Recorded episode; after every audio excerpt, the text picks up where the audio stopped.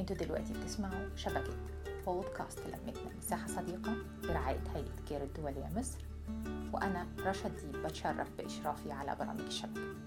شبكة بودكاست لمتنا مساحة صديقة. تحتها هنستمع لمجموعة من ال podcasts اللي بيقدمها خريجات الدفعة الأولى من برنامج تدريب النساء على صناعة المحتوى. بغرض تمكينهن وفي كل مرة هنستمع لقضية بتناقشها كل امرأة فيهم خلينا نسمعهم ونفتكر دايما إن الاستماع كالحب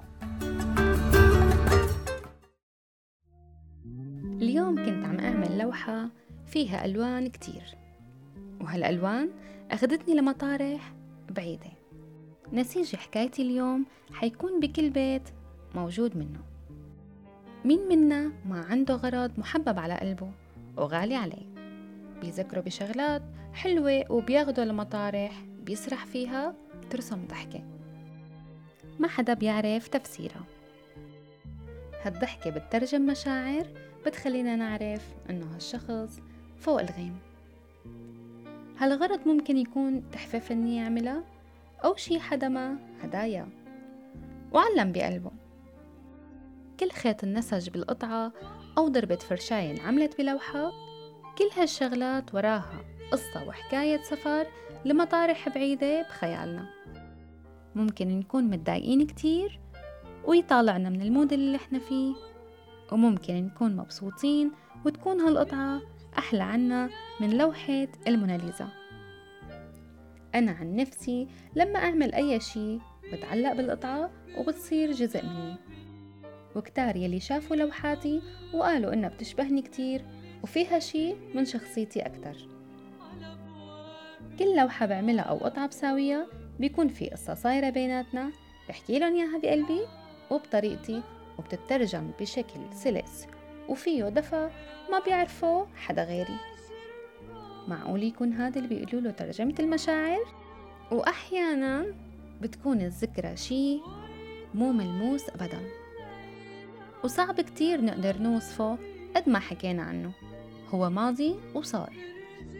وما قدرنا ناخده معنا ولا لمطرح.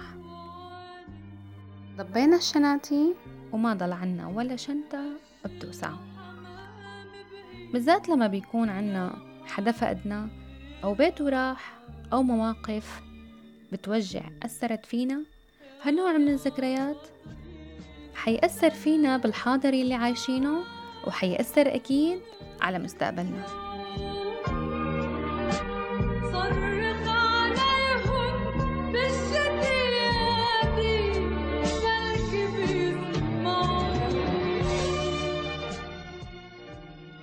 هذا البودكاست يأتيكم برعاية هيئة كير الدولية مصر.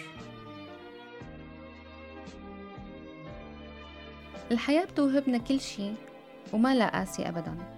ولا لا صعبة بس نحن علينا نختار الصح ويلي بيناسبنا وما نطلع على القاسي والبشع منها لأنه مثل ما في منه كتير بس الحلو أكتر.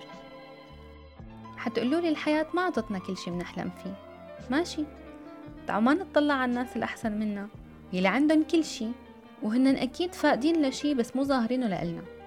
حنطلع على الناس اللي ما عندها شي ولا شي ونشوف قديش نحن بنعمة كبيرة وكتير. يوم واحد نعيشه لإلنا مو لغيرنا؟ صدقوني بتفرق. شدة وبتزول ورح أترككن هلأ مع ريحة البن وأطيب فنجان قهوة مع ذكرى حلوة ذكرتكن أنا فيها. تضلوا بخير بأمان الله.